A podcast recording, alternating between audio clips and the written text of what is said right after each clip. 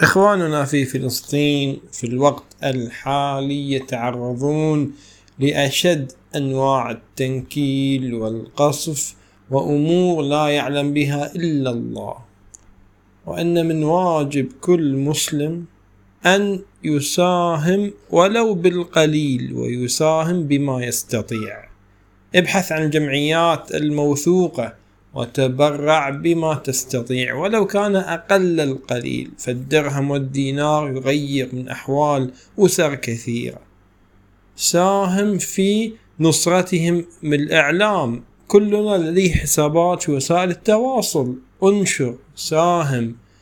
تابع أحوالهم. أرسل لهم الرسائل. كن فاعلا ومتفاعلا مع الحدث. بالشكل الإيجابي. أنا لا أقول لك تكلم بما لا تعلم أو تكلم بأمور لا تفقه فيها ولكن من باب أن ندعو لهم وأن وأن آه، نشارك بعض الصور وبعض الأمور التي انتشرت آه، في نصرتهم الدعاء لهم والأمور التي توثق ما يتعرضون له من قصف ومن معاملة غير إنسانية وأخلاقية. وأمور كثيرة نستطيعها جميعا.